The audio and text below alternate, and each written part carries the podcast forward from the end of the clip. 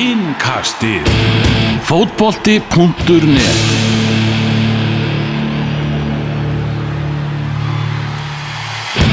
er komið að Evrópu innkastinu þar sem við leggjum aðal áhersluna á enska boltan. Ég heiti Elvar Geir Magnússon frá Krókálsi í Reykjavík og sem frá Heiðarvegi í Vestmanniðum er Daniel Geir Moritz. Hvernig ertu Daniel? Herri, ég er bara ljómandi góð, þakka þið fyrir. Þú ert ljómandi góður, þú ert búin að vera á lundanum alla helgina að horfa hvern einasta leik í enska boltanum, er það ekki rétti með? Herri, ég get samt sagt þið það, ég fór á lundan á föstudag. Er enski síndu það? Æ, það var ekki til að horfa á hópálta.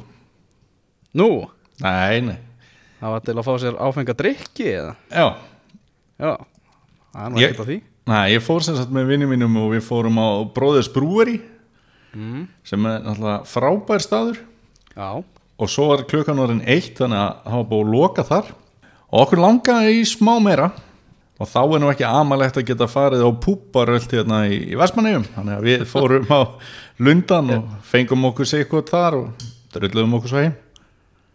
Ég er sko, þú veist, ég, ég er bara farið á lundan á þjóðþáttíð sko Ég veit Já. ekki alveg hvort að það gefi svona rétta mynd af, af stemmingunum þarna Nei, ég veit heldur ekki hvort að síðasti förstu dag kemur rétt að mynda af stemningunni þannig hún var ekki, þú veist, þakki var ekkert eitthvað að ripna af, sko, en það var bara samt fólk að koma þarna og fá sér og eitthvað. Og, og svo var eitthvað svona aðeins byrjað að fjölga á litlu dansskólu sem að þarna er svona í það mynd sem við vorum að fara bara. Þannig að þetta var, þetta var korki metna fullt nýja langt stopp, það verður bara að segja þess verð Nákvæmlega, ég var bara að vinna um helgina þannig að við þurfum ekkert að tala um mína helgi uh, hver var- hver var- að fara yfir uh, leiki helgarinnar í anska boltanum. Svo ætla ég hérna, að fara yfir úrvalslið Pep Guardiola Yfir bara alla leikmenn sem hafa verið undir hans stjórn. Það var uh, Daily Mirror sem var að taka þetta saman. Ok, ok. Og þetta er náttúrulega sem væri gaman að skoða. Og svo er það náttúrulega meistaradeildadrátturinn sem var hérna fyrir helgi. Við þurfum líka að líta þess á hann. Mm og riðilinn hjá Arsenal í Európa-deildinni Hefur eða tími það? Já, við sjáum hvað setur Herru, ég er að fara, skal ég segja þér.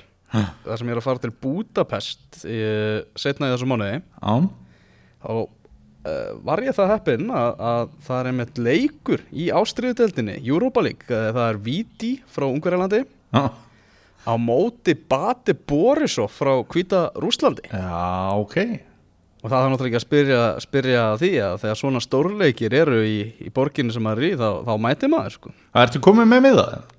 Það er ekki byrjað að selja en við félagarnir erum að kíkja á hverjum deg og við ætlum að vera sko, stuðnins með Viti bara alla leið sko. þetta, er, þetta er gamla Videotown ef, að, að menn mun eftir þýliði Þannig að, konum með, konum með nýja sponsor og eitthvað, oljufyrirtæki þannig að það er ekki byrjað að selja en þú ert samt komið með miða. Já, já, annars rettaði mér alltaf, annars fer ég bara inn á fjölmjölapassanum, sko. Já, mjög gott, mjög gott. Það hlýtur að vera, hlýtur að vera nóg. Herru, við ætlum að að kíkja þess á leiki helgarna, við ekki að byrja á, uh, á Burnley Manchester United, þar sem að uh, Manchester United vann þarna 2-0 sigur, Mourinho talaði um það eftir leikina, sagði við fjölmjöla að ég veit að það eru nú einhverjir hérna inni sem að eru svektir með þessu úslit, hefðu viljað að ég myndi tapa þessu legg til að, til að ég fengju fleiri fréttir. En Manchester United vann þetta svona nokkuð samfærandi eins og þau eru eiga að gera á móti Burnley sem að bara lítur illa út í upphafi tímabils. Já, algjörlega og náttúrulega frægur leikur hjá Mourinho sem stjóri United og móti Burnley þegar Tom Heaton varði 100 skot í leiknum. Og það var, það var ekkert svona þegar gengi United var þannig að þeir voru alltaf að missa leiki sem voru miklu betri í neyri jafntefli.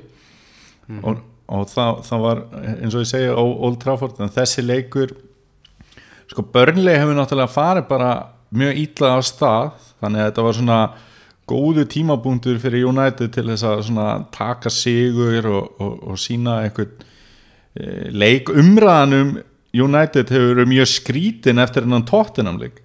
Já, það er svona margir á því bara svona jú við töpum en við vorum samt pínu skemmtilegir. Mm. þannig að er svo margir stuðningsmenn United hafi jafnvel bara verið sáttir eftir, sáttari eftir þannleik heldur en suma sigra á síðasta tímabili til dæmis Já, ég var að lesa eitthvað um það að þeir eru konum með nýjan gaur í þjálfaratimmu Manchester United sem á svona að vera sérfræðingur í sóknarleik sko.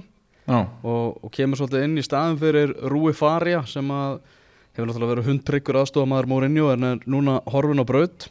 Mm Þannig, að- og, og það sem er náttúrulega líka áhugavert við þennan leik uh, og svona, þú veist, meðan meðan sko íslenski stuðningsmenn Manchester United, það er eins og svona 98% þeirra sem er búin að gefast upp á Mourinho. Já, þá virðist uh, raunin meðal stuðningsmanna liðsins í Manchesterborg og þeirra sem eru að fara á völlin að and, svona andrúsloftið og sé allt öðruvísi þar. Uh, Hörður Snævar á 43.is hann var á, á vellinum í, í gær. Mm og hann var einmitt að tala um það að, menn höfðu bara verið syngjandi fyrir Mourinho hann allan tíman og ég var einnig að lesa um það að Mourinho hefði klappað nokkur sinnum upp í stúku og, og, hann verðist vera með svona þá hörðustu algjörlega á sínu bandi ennþá. Já, já, enda sko mér hefur fundist leiðin hafa verið upp á við hjá mannsturinn þetta síðan hann tók við. Heilt yfir sko. En er hann ekki komin að vegg núna samt?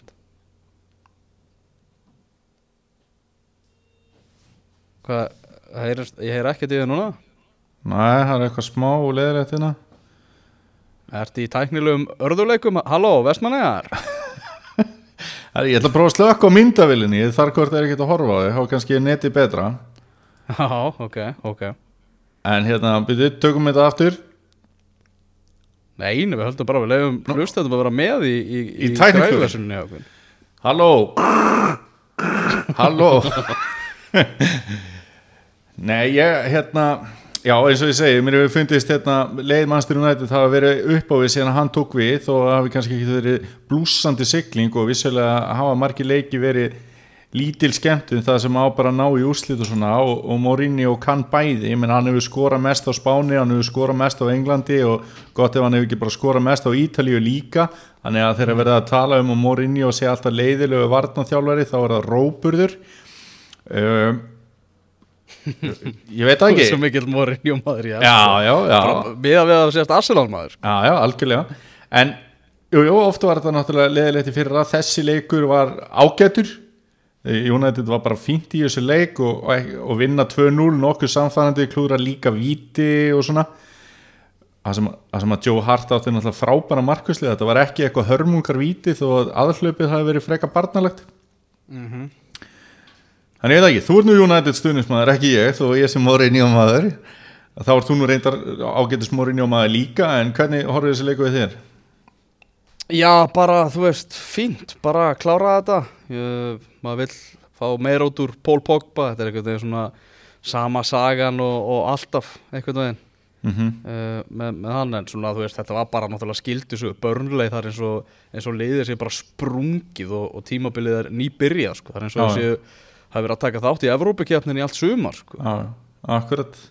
Það, það er svona það lítur illa út hjá, hjá börnleið okkar maður Jói Berg náttúrulega á meðslalistanum mm -hmm. uh, svo náttúrulega já, ég eiginlega veit ekki þú veist, ég var að lesa eitthvað viðtal við Matits þar sem hann var að tala um aðeins Mourinho og hvernig hann væri að láta á fréttamannafundum og hann væri einfallega bara þú veist að taka umræðuna frá liðinu þannig að umræðan sé bara um Mourinho. Ekki menn er ekki að ræða um liðið og, og, og sé að svona venda sína leikmenn bara.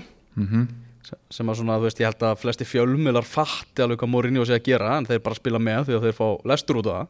Akkurat. Uh, uh, Náttúrulega þessi flugvél hérna, áhugaverð uh, Ed Woodward, sérfræðingur í að mistakast. Þetta er Mhm. náttúrulega ummæli sem að Mourinho á upphálega um Arsene Wenger Mhm. að hann sé specialistinn feilur en Mhm.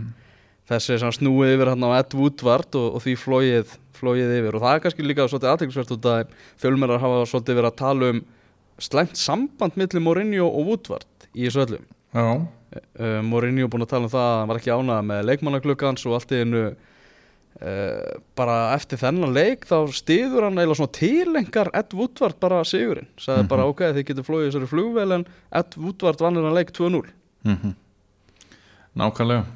Sem er svona, svona og að verða matið stalaði líka um það að hann teldi og að liði þetta ennþá möguleika að berjast um titil þú veist með Liverpool í þessum gýr og með gæðin í Manchester City og, og bara Sarri boltinu bara byrjaði að rúlla frá fyrstu mínúti þá þú veist það er ekki fræðilegu möguleiki að Manchester United sé að fara að berjast um titilin það er bara besta sem getur gæst fyrir United þessu tímabilið bara að ná meistaradeildarsætinu sko. Já, og þú ert alveg þar já, heldur að, heldur að þeir getur bara um titilin Ég veit ekki, ef ég ætti að snúa þessu ég ætla að snúa þessu aðeins aftur á þig. Í Þeir eru hvaða, að tapa tveimur á fyrstu fjórum leikjunum sko. já, í hvaða umferð er ljóst að Manchester United mun ekki berjast um titilin finnst að bara ljóst núna eftir fjórar umferðir? Já, já, mér finnst það bara algjörlega ljóst.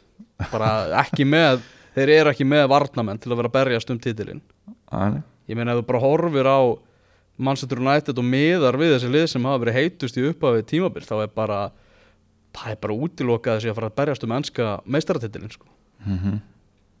Ég sá svona áhugaverða pælingu í messunni, þá voru hérna, var einn stilt upp, Bæ, Smalling, Jones og Lindelöf. Já, ég sá þetta líka Já, hverja myndið þú velja? Ég hugsaði með þetta að bara að kasta upp á þetta nána sko. Þú veist, það er nánast þannig Þeir eru bara, þeir eru allir svona bara meðal Já, Svo bara svona fínir en ekki nægilega Eh, ég reyndar sá þetta í umfjöllina þætti á öðrum miðli. Já, já, svo horfðu það þannig Það vinsa alltaf orða það þannig þessa dagana En já, ég, ég hef áhugjur af, af, af Burnley Förum í hérna Liverpool Já, Nei, byrju, mér- tökum, tökum Já. aðeins Rashford Nei, mér langar fyrst að segja eitt með Burnley, svo skulum við taka Rashford. Að Jóhann Berg er náttúrulega eh, mögulega leikmaður ásins hjá þeim í fyrra. Já, já, valinn á okkur allavega Nei, og veistu, það var bara frábær. Það var frábær og hann er ekki svona e, jafn mikilvægur í börnlegi liðinu og hann er í íslenska landsliðinu mm. þó hann sé vissulega mjög mikilvægur í þessu börnlegi liði að þá er hann bara, hann er einn stæsta stjarnan í íslenska landsliðinu Klálega hversu mikið missur verður þá af honum að hann sé ekki með landsliðinu líka í næstu verkinu þegar er alveg öskrar á mann að það vant hann í börnlegi liði sko. Bara, ég myndi segja átta. Ná, Það er á skalanum leikum, góða Leikungum með skalan góða. Þetta er náttúrulega, þetta er áhugavert og maður svona er að, einmitt, við tökum smá útútur með landsliðið svona að Erik Hamren með að fá einhvern veginn eh, landsliðið svona, svona brotætt, ef við Já. getum orðað það þannig Bara í, fyrsta leik sko. Já, já þetta er ekki, þetta er ekki óskasta það er svona um hugsun bara e, þú veist, ef, ef þetta fer illa sem að ég vona þetta fer, fara ekki. Mm og ég hef alveg full að trúa að gera ekki því að bara íslenska landslið er alveg mjög duglegt að, þjappa sér saman en við erum án Aron Sinnas Gunnarssonar og Alfreðs og, og bara Kolli Valin þrátt fyrir að sé lítur, þú veist, hann var læstist unni í glugganum, Kolbjörn Sigþórsson er ekkert að fara að spila fótboll, það verðist vera fyrir henni fyrsta lagi í janúar, hann er það djúpt inn í fristikistunni í Fræklandi, sko uh, bara allt einhvern veginn svona veist, hvað er hægt að hvað kröfur er hægt að gera á Erik Hamren og hvað er hægt að dæma hann á fyrsta leik ef hann fer illa? Algjörlega og, og Birki Már hefur náttúrulega ekki verið að spila á sama leveli þó hann sé að spila í Pepsi-deildinni og svona. Og hörðu Björgvin meiðist lítilega e, í- um helgina. Þannig að mm. kannski eru bakverðinni líka eitthvað svona ekki alveg að svona he heppilegu kostur að það hafa verið fram á þessu. Já, ég veit það ekki Markus Rashford var rauðarspjaldið mm Þetta var, finnst það eða svona alltaf út úr karakternum sem maður held allavega að Markus Rashford væri Já, þetta er Phil Barsley sko. Þú kennir honum um þetta? nei, e- nei, ég kenni honum ekki um þetta hann, þú veist, þú átt að geta séð í gegnum þetta sko Já, já, já, veist, já. hann er snillingur í einhverju svona kjátaði sko. Já En þú veist, svona einhvern veginn að Rashford að láta veiða sér þess að gildur hann einhvern veginn svona ímyndin á honum er svona að þetta sé gaurinn sem að lærir alltaf heima, tekur heimavunna svona leið og hann kemur úr skólanum. Ok, en hann bara, er nú bara klárar hana skilur og þarna og, og svona duglegur veist, var þarna með dúlu uh, dúlu þarna tvitt um Gareth Southgate eftir árangur Englands á HM það sem var bara eitthvað takk kærlega stjóri og, og gerðir alla svo glaða eitthvað og svona lala Þarna var hann alltaf einu komið með einhverja spaðaklippingu og, og, og farin að vera með stæla sko. Já, sko, Rashford var aukaleikar í, í anska landsliðinu í sumar en, vissil, en vissilega þáttakandi í liðinu. Uh, hann hafi verið mikið verið rætt um þáttöku hans í fyrstu leikjum Manchester United og okkur hann er ekki að spila meira. Hann búið að vera svolítið talað um hvað hans er búin að taka litlum framförum frá því að hann kemur inn í liði hjá United. Hann kemur þarna inn í eina leik af backnum uh, var ekki rétt um mér að hann var ekki í hóp í síðasta leik en ég manna ekki alveg. Og ég held að það sé bara ekkert öðvöld að vera rassfórt núna sko, hann, hann er öruglega bara eitthvað pyrringur og þess að gerir svona sem að ég er sammála sem er algjörlega út úr karakter. Já, hlutinir er, hlutinir er ekki að ganga vel. En, en svo finnst mér að ég veit ekki, er þetta ekki bara tillingar skýtur svona rautt spjald, þú veist, það var ekki eins og hann hefði eitthvað skallaðan, þetta var ekkert eitthvað brjálaðislega augrandi hegðun, þú veist, hann lappar eitthvað á honum og svo er þetta bara eitthvað svona Æ, ég veit Já, það þetta er ekta svona dæmið, þú veist, það er ekki, hann mun ekkert fá mínus frá eftirlitsmannum dómarinn fyrir að, að, að lyfta rauðarspjaldinu. En á ekki himbóin fannst mér þetta rosa mikið eitthvað svona, er ekki hægt að setla þetta bara strákar hætti þessari helviti svitleysu og guldspjald á báða. Já, og þá spyr maður á móti gerði Rashford meira heldur en Barsli Já, það er einmitt svona, það er hana, en allavega, þá let Rashford veiða sig í gildru og gerða það á kjánalan hátt og hann er á leiðinni í, í, í bann. Já, og mögulega þrjáleikið það ekki fyrir eitthvað svona. Jú, uh, Liverpool vinnur 2-1 sigur á móti Leicester City. Og þetta er hvað já, ja, enn eitt svona sigur í Liverpool þar sem að þeir eru ekkert rosalega sannfærandi en þeir eru bara með leikmenn sem að skora í hverjum leik og, og vinna þetta þannig Algjörlega og uh, þetta var svona að fjara en svona undan Liverpool einhvern veginn í þessu leik sko. En svo, þú veist, má ekki segja bara þú veist, þeir tóku fyrsta leikin sannfærandi síðustu þrýr hafa bara verið svona svona bara þeir hafa gert nóg til að vinna leikina. Jú, það má alveg segja það sko en það sem að verður náttúrulega líflína lester í þessu leik er náttúrulega sprelli mistök á Alisson í markinu.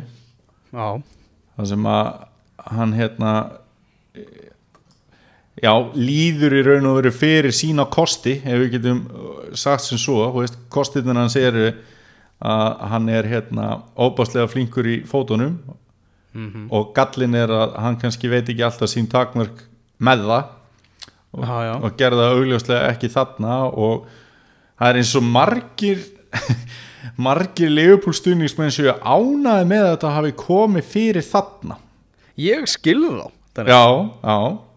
Ég bara, þú veist, einhvern veginn þarna gerðist þetta og hann fekk svona smá svona þú veist, uh, varúðarskilti í andlitið. Mm en samt sem áður, þú veist, hann er ekkert að fara að breyta sínum leikstíl, algjörlega nei, nei, nei.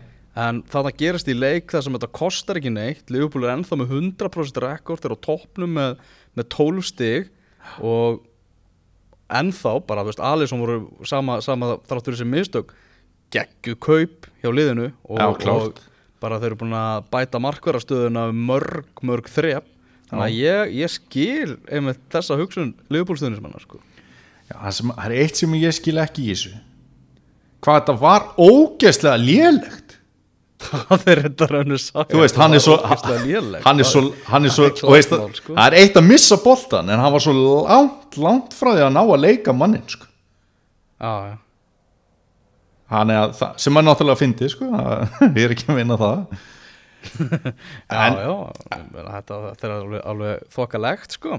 En þetta er svona enn eitt leikurinn það sem að Liverpool stuðnismenn voru svolítið að óska eftir meira framtaki frá Mo Salah.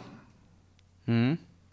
hann hefur ekkert farið stórkostlega af stað á þessu tímabili og þá má kannski líta jákvætt á það með það að gera að mörgum finnst að öruglega Liverpool eiga hann ennþá svolítið inni. Mm á meðan við getum líka að hugsa að, að svona eini smellur Europe var final countdown sko. Þú veist, er þetta bara eitt tímabil? Nei, ég held ekki sko. En, nei, nei. en hérna, veist, þetta er bara það mikill gæða leikmaður. En það sem maður getur náttúrulega líka haft áhrif á það er þetta vesen í kringum egypska landlið Já, hann er búin að vera svolítið í, í fréttum þar og svolítið svona búin að fá talsvert mikla gaggrinni að hann sé að að svona ekki að sína nægilega mikla auðmygt og sé að setja sig of háan hest með þessar kröfur sínar. Uh, var hann dekiska landsliði vill fá hann eitthvað lífverði sem að fylgja sér út um allt og, og ferðast hérna á fyrsta klassa og, og ég veit ekki hvað og hvað svona ég held að þetta séu kröfur sem er ekki frá honum sjálfum, ég held að þetta séu alltaf menn sem eru að vinna fyrir hann, alveg klálega sko, ég held en, ég en held ekki landsliði er náttúrulega ekkit vant því að vera með svona stjörnu í sínum röðum, mann sem er veist, hann er að íta Messi af tilnætningalista yfir velun FIFA, yfir besta leikmann heims. Það er, þú veist, það er Modric, Ronaldo og Mo Salah sem eru tilnættir í ár sko. Mhm. Nei, nei, en máli er sko að hann hefur samt líka verið að tala um þetta bara fyrir lands bara fyrir hérna landslismenn veist ekki þetta er bara að snúast á honum. Nei, nei, nei. Og er ein, hugsun. já, og ein krafan sem hann var með var að hérna, fjölskyldur stjórnamanna mættu ekki vera ónáðan og hótelherbergi voru að byggja um eiginhandar áriðunum fyrir krakka. Já, að vera að láta vita í hvað herbergi hann væri og já, já Þetta er kannski alveg eðlilega kröfur sko. Mér, ég, ég er á salavagninum í þessu máli Já, mér er algjörlega hlindur því að hann seti þessa kröfur og aðbúnaðar hans á þessu landsli hefur greinilega verið algjörlega fáranlegur því að það, veri, því að það er ekkert sem hefur bentið þess að hann hafi ekki lagt sér fram í landsliskónum sko. nei, hann er, hann er búin að gera sitt besta þar sko. Já. Hann á eftir að hann á eftir að vera alveg á, kvína til siglingu, ég skal alveg lofa það því sko. Já, algjörlega og bara, ég held að Liverpool muni berjast um hennan ennska meistaratitil allt til loka. Hvort þið verið meistarar eftir að koma í ljós en ég held þeir verði í baráttinu allt til loka. Já, topp tveir? Já, Já, ok. Sat, Satjó Mani hann lítur helviti, helviti vel út. Já, svona að njóta þess að að komast aðeins úr skuggasala mhm. má, má, má segja það. Uh, Fabinho, hvernig finnst þér hann svona hafa farið, verið þessa fyrstu, fyrstu leiki Sko, menn taki, með svona leikmenn eins og hann að menn taki ekki alltaf eftir vinnuframlegin á vellinu Já, það er svona kannski erfitt að sjá hvað hann er að gera á vellinum. Já, en þetta er, hann er svo mikilvægur sko. en að öllu grínu sleppti þá er hann náttúrulega ekki búin að spila mínútu. Nei, hann var ekki búin einu sinni á bekknum. Nei, er það? Já, hann var, var, í, var á bekknum í, í einu leik Já, ok. Max einum leik. Já, já, en ég menna hann er voðalega lítið í umræðinu samtakna þess að Liverpool er að vinna alla fótballtaleiki sem þau spila. Mm En það er samt svona það var spenningur fyrir því að hann var keiftur og, og ég veit til dæmis að margir Arsenal-stuðnismenn voru svona spældir yfir því að hann hefði ekki farið þanga þetta var svona biti á markanu sem að e, voru ekkert margir þegar hann er keiftur til Liverpool sem hefði ekki heyrt hans getið til dæmis eða eitthvað svoleið sko. Mm þannig að það er frekar undarlegt að hann sé ekki búin að vera meira í hóp og, og það er verið svona spurning hvað býr þarna baki. Já, þarna það sem að skýringar Jörgen Klopp eru nú ekkert svona neitt mjög flóknar, það er bara einfallega að hann sé í aðlugunarferli og hann tók uh, Oxlade, Chamberlain svona svipuðum tökum. Já, menna svona beigða eins með að nota, nota uksan og núna er Fabinho að fara í landsleiki með Brasilíu. Og Klopp sagði bara það er allir heilir, það er erfitt að komast í hóp en núna eftir landsleika hlið þá fer Liverpool að spila á þryggjadaga fresti mm og þá fer Fabinho að koma inn í þetta. Ok. Þannig að þegar svona leiki álægi fer að aukast þá, þá fer hann að nota, nota Fabinho og þá fer hann að komast inn í þetta. Þannig að hann náði allavega að koma Oxlade Chamberlain á, á mjög góðan hátt inn í, inn í lið og leikstíl Liverpool, að sé alveg uh, það tekur alveg svona smá tíma að venjast þessum, þessum leikstíl Klopp já, já, og ég veit ekki, mögulega er þetta bara ekki vatn og milju samsæðiskenninga hans mál, en þetta er hver, svona- er- hver eru samstæðiskenninga þar? Nei, ég segi bara að þú veist, ef menn eru með, með eitthvað svona samsæðiskenningar og, þú veist, að, og, hún sé ekki að ganga vel aðlegaðast hóp eða finnur sig ekki þarna í Liverpool og eitthvað, veist, þetta er eh, það er margt sem maður getur náttúrulega komið upp og eitthvað. Mm -hmm. þannig að það, er- það er einfallega bara þannig. Hérna Lester eitt sem ég vil spyrja þig út í. Mm, maður sem fær rosalegt pepp í Mhm. hansku fjölmjölum mm það er James Maddison. Já, sem að Lester kefti já, uh, alveg klárlega hörku leikmaður þar á færð. Við erum að tala um að hann er að fá rosalegt pepp sko. Það er bara greinarnar og alltaf verið að minnast á hann og, og allt hannig er innistæða fyrir þessu ultra peppi eða er þetta út að hann er enskur og þegar kom einhver englendingar sem að sína eitthvað einhverjir svona nýjir fram á sviðið þá fer enska pressan fram úr sér? Já hann er svarmöguleiki B sem á við.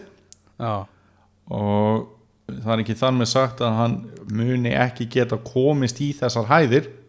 Já, já, nákvæmlega. En og, og, þú veist, og við erum alls ekki að segja þetta sé slagur leikmaður, langt frá því. Mm en, þetta, en ég er að tala um bara, veist, þetta er bara þeir eru að tróða honum út um allt sko. það vantaði mikið upp ákvörðun að tökku hjá honum í leiknum mútið Liverpool og hann var hérna, oft svona á skrítnum stöðum alltaf að leita á vinstri fótinn til að skjóta og maður er svona áttaði þess ekkit alveg á því í leiknum hvort að vinstri fóturinn væri hreinlega betri fóturinn en hann segði ekki spennu, spennustíði hjá hann var bara þannig að hann átti ekkert eitthvað eitthvað frábæna leik en hann var svona leiðandi samt í einhverju svona uppspili og, og, og svona sóknar aðgerðum hann er kannski að einhverju leiti að koma inn í svona mares hlutverk þó hann dræði sér miklu meira inn á miðjuna og þannig sko. Mm -hmm. en hérna ég held að þetta sé ekki síðasta skiptið sem við eftir að ræða þennan leikmann í vetur. Ég held að hann sé bara að það gæða mikil Já, við tökum Mattisson vaktina í, í vetur. Já. Uh, Þínum enn í Arsenal þeir heimsóttu Cardiff City. Cardiff Já. skóraði tvö mörg í, í sama fókbaltalegnum uh -huh. en það dögði þó skamt þar sem Arsenal skóraði þrjú þar sem að menn eru mest að ræða eftir þennan leik Daniel og ekki í fyrsta sinn og verður ekki í síðasta sinn. Og það er, er Peter Cech rétti aðal markurðurinn fyrir Arsenal? Mhm. mm Akkurat. Já, ég er að spyrja þig. Já, já, þetta er bara leðileg spurning sko. En þú veist, hann er 36 ára Já. Og hann er svona að, Þú veist, hann er ekki alveg að, að höndla hann á leikstíl sem að Emery vil að markverður sem spili. Nei, nei. Hann er mjög óörugum með hann. Já. Hann var náttúrulega mjög fyndi í sittileiknum þegar hann var næstu búin að skjóti eigi mark Er það að kenna gömlum hunda að sitja? Já, já Það er það já. sko veist, Viltu fá Bernd Leno inn? Já, já, algjörlega er, mér... hann að, er hann að býða eftir bara, þú veist, er, hann, er Bernd Leno bara, þú veist, í einhverjum séræfingum og fullu og svo bara svona þegar snaran þrengist að Peter Cech þá er hann bara ítt til hliðar Sko, þó, þó að þetta uppspil hafi verið vesen þá er kannski Peter Cech ekki verið að gefa mörg með því mm. og hann er búin að vera að verja ákveldlega oh. þannig að hann hefur lítið, litið rosalega illa út, hann var náttúrulega næstu eins og ég var að segja, búin að sparka boltanum með eigi marka móti sitt í og eitthvað svona en veist, hann er ekkert búin að vera eitthvað hörmulegur á milli stangana í þessu leikim sko. ah. það er ekki þannig en vördnin er búin að vera arfa slög mhm mm og svo komum við að því, þú veist Arsenal á að fara að spila meira út úr vördninni, þeir reyndar hafa alltaf verið þetta possession lið eða allavega svona síðustu 15 ári eða eitthvað svo les mm. þannig að já, já, þetta er væntalega ekki markmaður svona til frambúðar sko. Uh, Fyrstu fjóri leikjarnir, hversu sáttur ertu við Una Emery og hvað hann hefur komið með inn í Arsenalið á skalanum 1 til 10 Sjö? Tíu. Sjö? Já, ok. Það er eitthvað Það er eitthvað sambandslega segja Tíu segir Daniel Heyrðis mér, það er frá vestmannum Nei, ég meina þetta er bara svona Þetta er bara viðunandi Þetta er bara viðunandi sko. Já. Þetta verður bara skríti tímabil og, og hérna og maður sér svona hvað hann er að reyna að gera núna kom Alexander Lacazette inn í byrjunarliði og hann var algjörlega frábær og maður leiksins og, og svo les mm -hmm. uh, þannig að jájá já. sjö það, er sjö og hann Lukas Torreira, hann kom inn á í, í leiknum kom hann ekki með flotta innkomi? Jú, kom með fína innkomi eh, átti þátt í sjöu markinu eh, átti þar fína stóðsendingu Uh, hann er svona skipta skoðanir svolítið um Gwen Dusi margir asenamenn hrifnir á honum og vilja sjá Saka fara út og Torreira inn. Um, það er aldrei skrítið að segja þetta en ef við hefum tekið burtu þetta fyrsta markarti það sem að Saka sendir fáralega sendingu og úr henni verður mark. Ekki fyrsta sinn ekki, nei, ekki fyrsta sinn en við tók einstaklega lélugu varnarleiku líka þannig að ég ætla aðeins að verja Saka en hann var að spila vel í þessu leik þess utan. Mm. hann var bara ágættur og hann til dæmis tekur alveg frábæra hotspyrnu sem að skapar fyrsta marki þannig að ég veit ekki, mér finnst núna loksins eitthvað verið að gerast hjá þínum manni, þú hefur náttúrulega varst alltaf mikill sagamæður allavega ára hann fór í Arsenal. Já, ég held mig alveg það, ég stend með honum þráttur að, að já, við setjum þumali niður það kemur að því að dæma veru hans í Arsenal hinga til. Já, saman því. Og ég er ekkert alltaf viss um það að það mun eitthvað breytast. Æni. það er alltaf svona hans bara tími sé að tefa út varandi það, hann fá ekkert, ekkert mikið lengri tíma í það. Uh, Förum í næsta leik. Mm uh, Chelsea með 2-0 sigur á móti Bournemouth. Chelsea hefur komið mér rosalega óvart og að því leiti bara hvað Sarri er búin að vera fljótur að fá hlutina til að tikka þetta hjá, ég held að þeir eru svona lengi í gang sko. Meðan svona Arsenal mennur að býða eftir því að Emery komi málunum svona á, á beinubrautina þá er þá bara er hlutinni strax farnir að virka alveg feikilega vel þrátt fyrir svona umturning á eða umturnun á, á hugmyndafræði sem milli, stjóra. Algjörlega og svo er náttúrulega líka þeir hafa bara verið ógeðslega skemmtilegir. Já, þeir hafa bara spilað skemmtilegan bolta og, og, og náðu þeir náttúrulega eru náttúrulega að kaupa skemmtilegan fótbolta með því að fá Sarri.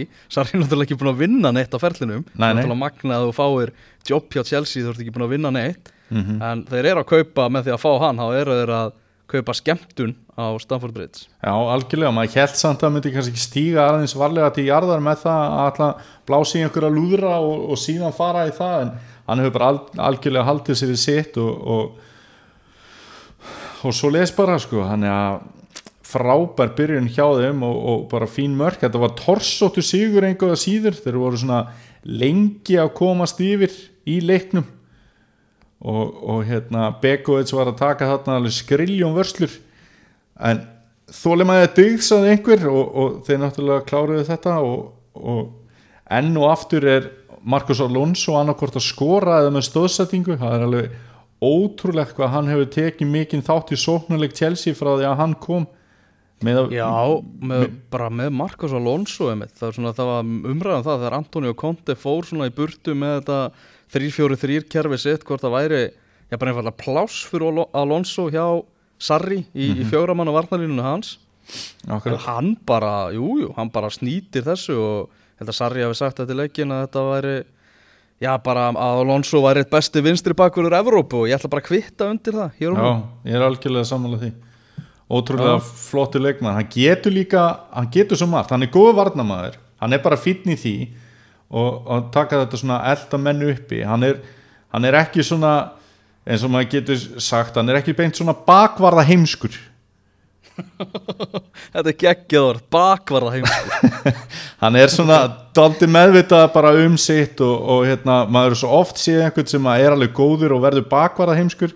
En, en hann er bakvarða heim sko Já, hann er, hann er ekki það uh, hann, hann er góður skallamæður hann er góður í sendingum hann er góður í að taka hlaup og, og svona uh, stækka völlin eins og maður segir. Og já, þetta er bara geggjaði leikmaður sko. Það er nefnilega þannig sko. Eden Hazard, uh, hann sagði viðtalið við viljum vera mestarar í Chelsea. Og það er bara fyrir Chelsea að halda í Eden Hazard þá þurfa þeir að halda sér í baráttu um titla. Það er bara einfallega þannig, það er eina leiðin fyrir þá til til að halda þessum geggjaða belga. Já, algjörlega og ég meina veski bæði hjá Barcelona og Real Madrid bara svona þessi dæmi þau, þau öskra á framkvæmdir sko. Já, þannig að það er raun og veru ótrúlegt. Þannig laga miða við bara hvað hefur mikill óstöðu leiki hjá Chelsea að Eden Hazard sé ennþá leikmaður þeirra og ég þetta bara hári rétt lesið í haður það, þarf að vera eitthvað gleði og það þarf að vera eitthvað árangur svo að hann verði leikmaður þeirra á næsta tímabili. Já, heldur betur flott engum í ennsku úrvarslitina hjá honum Sarri vinn okkar. Mm -hmm. uh, Everton gerir 1-1 jafntefli á móti Huddersfield. Já, eins og manni finnst eins og uh, svona Ev Everton hafi tekið miklum framförum undir stjórn Marko Silva þá eru þeir svolítið að ná ekki að, að landa hlutunum. Þeir eru ekki að þeir eru að, svolítið að falla á prófunum og loka sprettinum þetta er bara drullu byrjun hjá Everton. Já, Köllum þetta bara réttu nöfnum, þetta er bara drullu byrjun. Sem er rosalega skrítið miða við það að er margt lofandi í spilamennskunni sko. Já, já, en þetta úrslitin hafa verið algjör vombriði og, og, og hérna þeir náttúrulega fóru hamförum á, á, á markaðnum og, og hérna og svo les auðvitað hann, náttúrulega verið svona skakkaföll eins og með Michael Keane og allt það en það á ekkert að skýra það að þeir vinn ekki Huddersfield e, þegar hann meiðist vika og undan þeir vinn ekki Huddersfield á heimavelli hann er mm. Huddersfield er leiðilegasta lið bara í, í öllum deildunum á Englandi sko. Og nægur að taka þar. Já, já, nægur að taka þar og hérna þetta er bara ógeðslega lérið til Evertón og, og mannum finnst það leiðilegt að því að e, Markus Silva hann er stjóri sem vil spila skemmtilega fókbalta og hann er náttúrulega að reyna það og hann er með Gilva sem við náttúrulega elskum að gangi vel og svo er hann bara með skemmtilega leikmenn leik, uppáðast leikmæri minni gegnum mína Arsenasögu er Theo Walcott sem fór reynda meitur á velli þarna. Hann, er, hann var bæði búin að missa Richarlison sem var í banni og Walcott út og hann var af köntunum en Richarlison náttúrulega ótrúlega skemmtilegu leikmæður og, og, og svo vantar ekki Allt í sömu gröfi og, og Rashford gerði þessar umfæð Já, nákvæmlega. Og svo ef við nú ekki vanta skemmtilega bakverði síðustu tímabill í Evertónliði sem að þeirra var vera með Coleman og Baines og svo er þessi digni að koma núna. Að ég veit að ekki, þetta er náttúrulega bara umverði byrjun. En mér svolítið skrítið sko, Marko Silva er rosalega mikið að, að dásama að gilfa í viðtölum og svona. Svo er hann bara eitthvað að taka hann út af og eitthvað þegar, þú veist, þegar Evertón þarf á mörgum að halda Já, ég langar eiginlega bara að gera orð þín á mínum frá því fyrr í vetur þegar vorum að taka upp heldur bara fyrsta þáttinn þegar Gilvi var tekin út af hérna eftir raukt spjald ah. að hérna veit hann bara nógu mikið um Gilva ah. og þannig að hann ekki bara kynast honum betur veist, Gilvi er fyrðulegu leikmaður mm -hmm. þú veist, hann er svona þessi e, Mesut Özil gæði oft á tíðum í sendingum og, og, og, og hérna, spilnutækni og eitthvað svona. En svo getur hann hlaupið manna mest og unni flesta bolta líka. Hann er nefnilega með fullt af kostin sem hann er ekkert mikið að fá rósið fyrir sko. mm, já, reyndar þá fekk hann alveg rósið fyrir það á, á síðastu tímabili, var það ekki bara þegar hann var verið að skoða hlaupatölur og tala eitthvað um það í einhverjum þáttum og Og, og, og við Íslandikar höfum náttúrulega vitað þetta lengi sko. Já, nákvæmlega, við höfum alveg Næni, akkurat. Það er ekki neitt fyrir okkur atna, svona ljós í, svona myrkrinu í auðvitað kannski aðtimóla lúkmann með stundum með auðvitað ánaði með að sjá hann fá tækifærið. Já, já, akkurat. Tvítuði strákur sem getur gert uh, fína hluti. Já, já, og, og líka bara, hú veist, hérna, Richarlison meiðist og Levin kemur inn og hann skorar, þannig að þetta var ekkert alveg bara ekkert jákvæmt á hugsundu og fóst á kottan þó að hérna, stígarsöfnunum sé mikið vonbrið Já, talandu um vonbriði við skulum bara vinda okkur yfir á í Ólimpíugarðin í, í Lundunum þar sem að Vestham hefur sitt aðsetur 100 miljónum punta í nýja leikmenn fyrir þetta tímabil búin að tapa fyrstu fjórum leikjónum, þetta er fyrsta sem þeir tapa fyrstu fjórum síðan 2010 Bring back David Moyes eða hvað? Heldur, að, heldur að David Moyes sé bara svona hlæjandi heima á sér að, að drekka úr tepollanum bara. Að þið, þið vildu þetta? Ég veit, sko, núna er maður eftir að hafa hort á heimavöll á rúf hérna síðustu vikur þá er maður ennþá hrifnari á einhverjum svona hugmyndum að einhver snúi aftur, sko. Hérna en David Moyes verður ekki stjóri vestam á þessu tímabili, ég held að það sé útséð með það en og verður ekki stjóri vestam aftur held ég sko. Já, allavega mjög ólíklegt með þessa eigendur en ég meina Abramovits reði Mourinho aftur það getur allt gæst og ég segi ekki eitthvað að bera árangurinn saman eða eitthvað svo leiðis uh, átti náttúrulega aldrei að losa sig við Moyes fyrir þetta tímabil og, og, og, en einhvað síður sko, hvað eru margir stjóra sem hafa loka en skúrastildinni Ég veit það ekki. Þeir eru ekkert eitthvað rosalega margir skilur ah, En Pellegrini er einn af þeim. Ah, og var náttúrulega sóttur hérna, á, á hérna, heldri borgara sumalefista í, í Kína til þess að taka við vestambliðinu og, og, og, og margir óhressi með það og vildu fá eitthvað með svona meiri grettu eitthvað sem að hefði eitthvað að sanna væri ekki búinn að sanna og væri mögulega bara þarna til þess að hyrða launin sín eins og virðist vera þarna. Þetta er allavega já, þetta er versta byrjunin í ár. Já, og bara svona rosaleg vombrið fyrir vestamstöðun sem er enn einu sinni. Þeir hafa gengið einhvern veginn í ímis vombriðin og það þrátt fyrir að hafa eitt öllum þessum peningum í leikmenn sem eru ríkilega spennandi á pappirnum en hafa svo sannlega ekki náða að framkvæmla það á vellunum mm -hmm. Adama Traore með eina marki í þessu leik og það, það var bara flautumark algjörlega í blálógin Já, já Já, já. og það var nú komið líka tími á að Vúlsmundi kannski hérna, fara að sína eitthvað meira þannig að þegar þessi törd verið skoðuð fram á landsleika hliði þá stemdi ekki endilega að þeir eru ja, þá stemdi raun og verið í að þeir eru undir pari en þessi sigur þýðir að þeir geta raun og verið verið ánæði með sína byrjun enda nýlegar í deildinni mm -hmm. uh, Manchester City ekki íkja sannfarandi á móti Newcastle en á að landa 2-1 sigri mm -hmm. uh, þetta var ekkert merkileg framist að hjá, hjá City Nei og, og bara aftur þá fer Benítez í mikinn varnarleik og, og móti risa í deildinni og er bara óheppin að fá ekki stig sko. Það þarf að finna einhverja svona nýtt heit á stöðuna sem Rafa Benítez þú veist, uh, gegnir. Því hann er ekki bara knaspunustjóri hann er bara einhvern veginn svona hann heldur öllu félaginu saman sko. þetta er bara svona við það rinja allt í sundur. Já. En hann næra okkur ótrúlega hátt að, að halda þessu saman. Algjörlega og hefur bara sínt hverslega skæða stjóri hann er þó að hérna hann hefur ekki vakið lukku allstaðar þar sem hann hefur komið en, en hérna árangur hans með Newcastle er náttúrulega mjög góður og ég held að Newcastle mun ekki vera í bastlíi vetur og hann á stæstan þátt að því. Já, það er hugulegt uh, draumamark bakvararins þegar Kyle Walker skoraði þarna sigumarkið eftir að Ræm Störling hafi skorað fyrir sitt í fyrirleiknum Já. Og, og, og Leroy Sané horfði á allt saman upp í stúku. Já Hvað er í gangi þar? Hvað er í gangi þar? Svona margir stuðnir sem að sitt í voru svona þegar var óvænt ekki valin í Þíska landsleisópin fyrir HM í sumar Það hugsaðum en ok, á, fáum hann bara ferskari hérna, þá kemur hann bara alveg á alveg spólgraður inn í, í nýtt tímabil í ennsku úrvarsleitinni mm -hmm. það verðist ekki vera ha, þessi ótrúlega hæfileikaríki leikmaður, það er einhverja fréttur um eitthvað hegðunavanda og eitthvað hjá honum.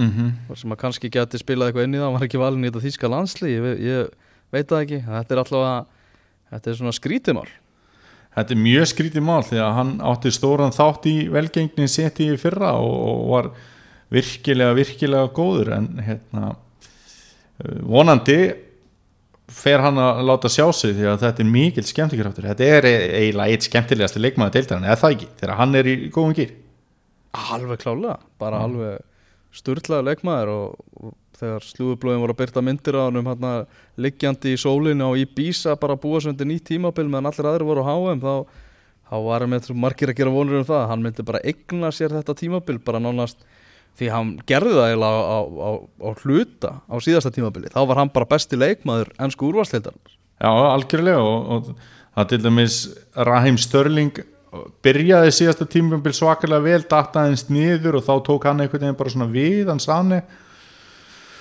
þannig að þetta er mjög skrítið en þetta var samt ef öllu var á botni kólt varandi sitt í þá var þetta náttúrulega bara gott að geta fengið þrjú stig þannig og, og Að, og líka eftir vonbreiðin helginu undan. Já og við höfum líka talað um að þú veist, Rosa Liverpool að geta loka leikin sem þeir eru lélegir í. Þá má náttúrulega alveg Rosa City fyrir það líka. Já, algjörlega. Og hérna koma tveir enski landslýsmenn sem að skora sikkort markið og það hlýtur að gefa góð fyrir heit fyrir einhverja landsleiki og, og hérna bæði mörkin voru rosalega flott. Það voru bara þrjumurflegar Já. og gaman fyrir Kyle Walker að vera búin að skora sitt fyrsta mark í Manchester United, nei Manchester City í treyjunni sko. mm -hmm. uh, mjög áhugaverð úsliti við erum Votvort og Tottina þar sem að Votvort vinnur 2-1 sigur og það er alveg ljóst að það þarf að taka Votvort alvarlega og þá er ég ekki að tala um í titilbarátunni þegar framlýðast undir þá þurfa að líða sem með 12 stig en þetta er lið sem að geti já, haft mikil áhrif á það hvernig þessi deilt endar þetta er, þetta er lið sem að ekkert lið getur bókað sigurinn á móti Alveg samanlega því sko og beti, þetta er bara fjóriðið sigurleikur þeirra eru þetta ekki? Jú, jú Þau eru bara með Það er Liverpool, Chelsea og Watford sem eru með fullt úr svona Já. Hversu ofta allir það hafi gerst að lið sem að vinnur fyrstu fjóra leikina verður ekki englandsmeistari? Ég veit það ekki, þú var að vera að kanna þetta og hendur þessu öllu fram Ég er Já. ekkert með svör á rauðum höndum sko. Ég held þú vissir all Nei, ef Það gerst tvisvar Það gerst 1970 Nei, nei, ef maður spáir samt í það Þú veist, það voru tvö lið að fara að lendi því allavega á þessu tímabili Mö- mögulega þrjú. Jú, jú, það hefur ekki Það hefur ekki Það er að gerst er- tónokkur sinnum að liða hafa unnið fyrstu fjóra og síðan fara að dala eftir Þetta er, er marathón sko Já, en veist, Held ég þegar þeir urðu meistarar síðast. Bara svona sem Já. dæmi sko. en hérna algjörlega og bara Troy Dini, Hva, hversu mikið fílar er Troy Dini? Bara virkilega vel. Já, Já, við erum búin að, hann er búin að koma reglulega til umræða hérna í engastunum sem við byrjuðum þetta. Nákvæmlega og hann setti náttúrulega mark í þessu leik. Hólibas með báðar stóðsendingarnar fyrir Watford. Eh, þeirra besti leikmaður Dokore, hann skoraði mark Tottenham í leiknum eftir, eftir stóðsendingu frá Lukas Mora, hann í raun og veru skapaði það mark en En, en talandi um Hósi Hólebas, hann er talað 34 ára gammal mm uh, og hann er stóðsendingastur í deildinni núna ásamt öðrum vinstri bakverði það er Benjamin Mendy. Benjamin Mendy kemur ekki, ekki jafn mikið á óvart. Nei, en þeir eru þarna tveir saman uh, vinstri bakverðinir, stóðsendingastur á, já, nákvæmlega. Og það er raun og segir svo ekki að, að bakverðarstaðan sé mikilvæg sko. Nei, nákvæmlega og, og, og líka segir það ekki bara sittum við það hvernig fótball og Vottort er að reyna að spila. Já, þú veist ef að vinstri bakur er bara komin í þessa stuð þú veist þetta er að nú eiga menn eftir að fara að bera saman árangu Vottort á þessu tímabili og Burnley á því síðasta veist, það, er, það er umræða sem mun farast á og er kannski farinast að óflýjanlegur samanbörður já og veist þá voru já, ég veit ekki þá held ég að þess samt mjög, mjög ólíkir klúpar mjög ólíki klúpar og náttúrulega rosalega ólík spílamennskar sko. Þetta er Já, miklu meira léttleikandi og, og, og skemmtilegra náttúrulega hjá Óttúrt ef að menn eru fylgjandi góðum sóknambólta já Pochettino hann reyðast aðeins á leikmenn sína eftir, eftir leikinn, sagði bara að það er vant að viljan og baráttuna og, og eitthvað þannig. Mm -hmm. uh, ta- þetta tap og svo eru náttúrulega fréttnar af því að að tefjast endalust þessi völlur hjá þeim tóttunamönnum Já, þannig að það er svona reynir á, á Pochettino að halda, halda gleðinni svona liðseildar gleðinni sem hefur engjan tóttunam halda henni, henni lifandi. Já, já, algjörlega og það er einmitt það sem að maður er svo hrættur um að geti gerst hjá Liverpool. Það er að þeir fái einhverja svona tóttinam velgengni verða rosalega svona skemmtilegir og með fullt af englendingum jafnvel og eitthvað svona bla bla bla. Og vinni síðan ekki neitt. Já, Tottenham er náttúrulega ekki búið að vinna neitt. Og hérna hef meiri hann svona Pochettino svolítið varaði við þessu eftir sigurinn á móti Manchester United sagði bara, menn verða að halda sig á jörðin og, og hugsa ekki fyrstu unnu Manchester United 3-0 þá getum við bara þú veist, tekið næsta leik bara nánast með handbremsuna sko. já, já, það er, já, það er ein breyta sem er ansið stór á milli þessara byrjunarliða að það er já, hann reyndar hringlar svolítið mikið í byrjunarliðinu sínu veist, Danny Rose er tekin út sem átti frábæra leik á móti Master United og Ben Davis eh, hérna, kemur inn. Að reyndar er það eina breytingin á útileikmannum, ok. Nei, býttu nú við, Davison Sands jú, það er eina breytingin. En Mikael Vorm eða Michel Vorm hann byrjaði á milli stangana hjá Tottenham í þeimleik ah. og ég fór þá að velta þeim fyrir mér veist, er þetta eitthvað svona eftir Manchester United leikin sem að þið þurft á honum að halda einhver svona agarefsing fyrir það sem að hann gerði á sér það er spurning. Kannski svolítið langsótt, við kynni það en maður veit aldrei. Ert með góða kenningar oft. Já, bara ótrúlegu Nostradamus eða Nostradaniel eins og ég kallaði sko. En hérna góðu fimmur hana fyrir aðdáðandur fimmur að brandara Daniels. En hérna Vorm er ekki af góður og Hugo Lóri alvar nei, ég, ég kvittundi það. Að, en hins vegar það var Tottenham komið yfir og með þennan leik í hendi sér þegar þið glutur þessu niður. Góða frétti fyrir Tottenham. Hmm? Son. Á hann, engin herskilda á, á, á Son? Nei, hann er Asíuleika meistari í fótbolta þannig að hann þarf ekki að fara í herin Já, sleppur við herskildu fyrst að hann tók gulli þarna með, með vinnum sínum. Sko ég fór að hugsa þetta eins með íslenska landslið Já, vantar ekki eitthvað svona kvata hjá okkar mönnum? Bara stopna her. Já, þú veist, ef að þeir vinn ekki þú veist, eitthvað móta þá lenda þeir í einhverju fáránlegu sko. Já, það hefur ekkert vantanleitt kvata í okkar lið hingað til sko. Þannig að ég held að við skulum ræða betur og sjá hvernig þjóðateltin munu, munu, Nei, munu spilast. pæltu samt í því og öllu gamni slefti þú ert hérna ég veit ekki, eins og Son ég meina hvað er hann, hann er á eftir síðasta tímabil kannski rankaður topp 30 bestur í ennskúrastildinni mm. bara, bara svona hans tímabil í fyrra. Já, og, og svo þarf hann að spila einhverja góða landsleiki svo hann sleppi við það að fara í herin Þetta er svolítið svona fjarlæg menning sem er svolítið fjarlæg okkur. Æ, ég, segja ég, var aðeins, að- ég var aðeins að reyna að setja þetta bara í samhengi þetta er náttúrulega algjörlega galið sko. Já, Það er eiginlega bara ekki hægt að setja í samingi við neitt sem að, sem að svona, við hefum að venjast sko. Uh, Brighton 2 Fulham 2 já, Glenn, Glenn Murray með 2 fyrir Brighton í landsliði með Gaurin Mm. uh, verður 35 ára bræðum já uh, Workington, Wilmington Hammerheads Barrow, Carlisle Stockport og Rockdale. Þetta eru með að liða sem að finna má að fyrirskrá Glenn Murray. Mhm. það er svo geggjað. Veist, ég, ég er vonlega svo sannlega að þetta haldist svona. Veist, í öllu þessu peningaflóði í ennsku úrvarsleildinni hvað er orðin alþjóðlega deild og bara minnstu liðin orðin rík og, og, og allt það að það séu alltaf svona einhverjir púpakallar inn á milli sem er að setja mörg sko. nákvæmlega. Veist, við vil, það, er, það er rómatík í, í ennska bóþeim sko. algjörlega, við viljum hafa leikmenn eins og Glenn Murray, veist, Charlie Austin og Peter Crouch skilur, þetta eru Troy Deeney, þú talar um hann já, Troy veist, þetta eru svona gæjar sem að gera eitthvað veist, ég var rosalega mikill Dean Aston maður. Já, hann, hann náttúrulega, hérna, hans ferill fór vegna meðsla Mhm. og, og hérna, akkurat svona ekta bara breskur framherji skilur en, en þetta var, þetta var mikill vombrið að leikur eftir að higgja fyrir fúlham þeir voru konir í 2-0 stöðu. Minn maður sem töluðum um í síðasta þætti Alexander Mitrovic, samanbúin að skora. Hann er komið með held ég bara eh, fjögur mörk í þessum fyrstu fjóru leikju sínu Þrjú- all- all- all- eh, allavega þrjú þrjú eða fjögur og þeir komnir í 2-0 einhvern veginn allt lítur vel út og ekki á móti betra liði heldur en Brighton þá er þetta náttúrulega lélegt að klára þetta ekki sko Já, ég held að það sé alveg klart mál sko.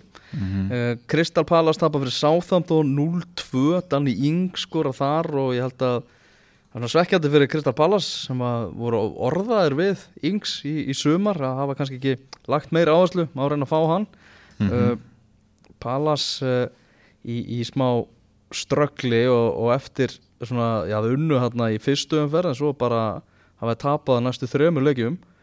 Uh, liðið er að fara að mæta Huddersfield og Newcastle eftir landsleikjalli og það eru leiki sem að segja ansi mikið og, og, að vantaði Vilfred Saha hann á að vera klár hérna síðan eftir landsleikjalli og Kristal Palace án Vilfred Saha er, er bara ekki nægilega gott lið. Það er bara, svo er bara orðan þannig og, og auðmíkja Kristján Benteke veist, hvað, hvað er hægt að segja um hann?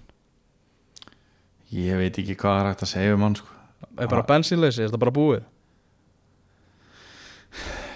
Saito Berahino skoraði sitt fyrsta mark í þrjú ári eða eitthvað uh, fyrir tveimur helgum leikmaður stók Já, og það er spurning hvað það á eftir að gera við hans feril að hann er komið nýri í Championship að því að það eru, eru talsir gæði, hann er náttúrulega aðeins yngri held ég, eða kannski hann bara svipaði gammal og Benteke og eitthvað um 25 ára aldrin þannig að aldrei að segja aldrei en ferill Benteke er náttúrulega mikil vombriði við það sem að hérna stemdi í þá var verið að tala um það með þessi á tímabili að Romelu Lukaku ætti ekkert endilega örugt byrjunarlið sæti í belgiska landsliðinu út að þá er hann að keppa í Benteke ah, þú veist, svo samkeppni er engin í dag sko. Nei, þetta er þetta er bara sorglegt sko. mm en sáþóttan að ná þarna í uh, góð stig og uh, sinn fyrsta sigur í, í deildinni Já, því þú minnist á Danny Ings fer hann í, í hennar flokk með Glenn Murray? Er þetta ekki svona ekta breti bara sem að gera sitt? Jú, lefa hann um að eldast aðeins þá fer hann í, í flokkin Já, já, akkurat, akkurat. Hann, hann á eftir að detta í hann sko. og ef hann heldur sér þar að segja í, í önsku já, en þetta, þetta voru leikir helgarinnar í anska boltanum og nú eru bara landsleismennir farnir að flakk út um allt í það að þjóðatild að byrja og, og uh, landsleikja hlje þannig að það verður uh, næsta umferð er ekki fyrir en 15. september á deginum sem að byggarúsleikurinn verður. Mhm, hér, hér heima á, á Íslandi. Mhm. En það var dreigið í reyðla í meistaradeild Evrópu þar sem að eh, Liverpool var í þriðja styrkleikaflokki og það var þannig alveg vita mál að þeir myndu lenda í dauðareyðli og það er rosalegu reyðil Paris Saint-Germain, Napoli og Rauða Stjarnan eru í þessum sérreyðli og sá það að þarna fósetti Napoli, hann vildi fá útskýringar frá UEFA af hverju þeir þurftu að fá Liverpool með sér í, í reyðil hann var ekki alveg sáttu við það. Uh, ég var að lýsa Napoli í gær, hérna með konu með Carlo Ancelotti tók við af, af Sarri. Mhm. þeir var að keppa mátti Sampdoria í gær og þeir fengu skell það var 3-0 sigur á Sampdoria. Mjög svona óvæntur. Sampdoria búin að missa upplúa leikmenn en tóku hérna Ancelotti og félaga bara og pökkuðu þeim saman sko. Já, og já. ef þau eru ekki búin að sjá marki sem að Fabio Quagliarella skoraði fyrir Sampdoria? Þá Já. bara farið inn á internetið og finnið það sko. Geggjað mark. Getur þið satt þetta aftur, Fabio Quagliarella. Já, ok, bara þetta er það hljóma eins og pasta Já, ég meina bara atvinnum maður og fer líka bara, drullu vel sagt hjá þér. Já, takk hérlega fyrir það. Ég er, ég er svolítið búin að lýsa, lýsa ítalska boltarum Já. Þetta er náttúrulega, þú veist þetta lúkar sem einhver rosa riðil en ég meina þetta er bara Liverpool vinnur hennar riðil og svo í PSG í öðru sæti, bara næsta máltak Herði í Ariðlur Atletíko, Borussia Dortmund, Monaco og Klub Brugge. Mm -hmm. uh, Tottenham er þeir að fá að mæta Barcelona, Inter og.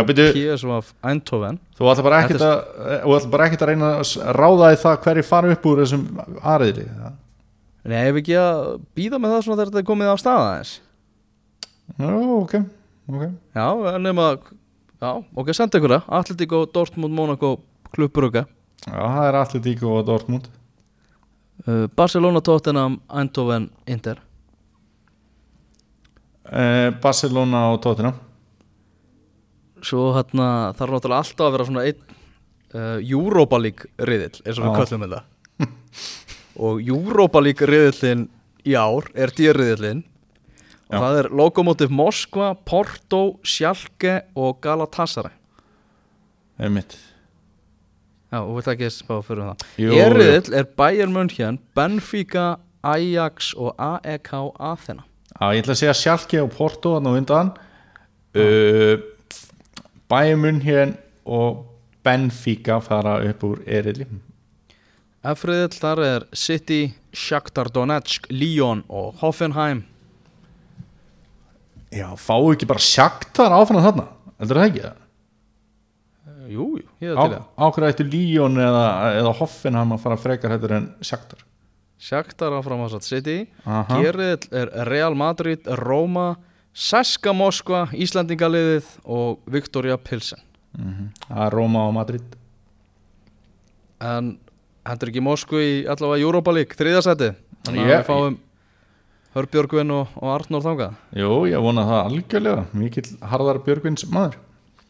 Háriðill, Juventus, Manchester United, Valencia og Young Boys. United hefur nú klúrað veikar riðlu með þetta? Það var svolítið fyndið samt að Valencia og Young væri með United í riðli. Stað svona. Það sá eitthvað spög með það? Fattaði þú upp á þessu? Nei, nei, nei. Ég, Jú, að tek, tekur þetta satt bráði Já, ég fattaði upp á þessu og, og að ráða heimi og las En hérna, þetta er Samt, klálega Sandir ég er komin heim. Sandi, já, já. En þetta er klárlega Juventus og, og, og Manchester United og ógeðslega gaman að Juventus geti dragast á móti United. Cristiano Ronaldo. Já. Ég, Eru Gervinho var undan Ronaldo að skora í serja Já.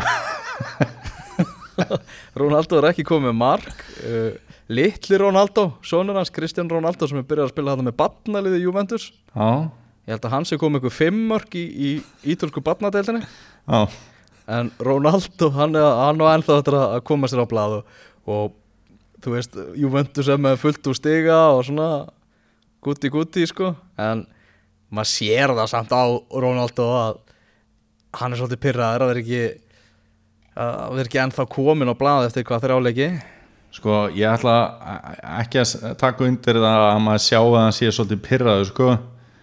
Jú, ég held að hann sé brjálaður. Þú veist, hann er bara í álfur, það síður á hann þetta tröflar hann öruglega bara og, og veist, hann, hann er bara þannig bara djöfull skal ég sína þeim og er í okkur svona sko, það, það hefur oft verið hérna svona hugafarið hans að þeirra e, á móti blæsa þá allt í einu gerist eitthvað rosalega sko. Á, og hérna ég held að enginn sem að fylgjast með fótbolt að hafa einhverja áhyggjur af því að hann muni ekki detta í gang fyrir Juventus sko. Hín, það held ég ekki Fyrstu leiktaður í mestaraldildinu 18. og eh, 19. september, hvorki meira enn minna ná, uh, Besta eða svona úrvalslið leikmanna sem hafa spilað undir Pep Guardiola Hvað heldur að sé margir sitt í leikmann í liðinu sem að Daily Mirror valdi? Draumaliði Pep uh, ég ætla að segja David Silva og Ederson Þú ætlar að segja það. Já, uh, Byrjum með það. Og það er í markinu Manuel Neuer. Já auðvitað, já, já, já. Þetta er hægri bakverður Það er ekki pláss fyrir Dani Alves. Það er Philip Lam sem já, að tekur hægri bakverði samanlega því. Það er góðsögn í hafsendnum. Það er Puyol mhm. hjá Barcelona Með honum annar börsungur Gerard Piqué. Já, uh, Peppi er búinn að hafa ansið góða vinstri bakverði gegnum tíðina. Það mhm er náttúrulega Mendy núna, Erik Abedal, Jordi Alba En það er Alaba sem að tekur vinstri bakverði í þessu úrvarsliði já. Geggja á, mi á miðjunni erum við, með Savi mhm. Iniesta mhm. og David Silva. Mhm. Hann er hérna fyrsti fulltrúi Manchester City í, í þessu, þessu liði. Uh, hægri vangur Lionel Messi. Mhm. Kemur þér óvart að hann komist í þetta lið? Uh, nei, og vinstri vangur það er uh, maðurinn sem sagði nei við þjálfarastarfinu hjá Bordeaux Thierry Henry. Mhm og uh, svo er það strækjarstaðan.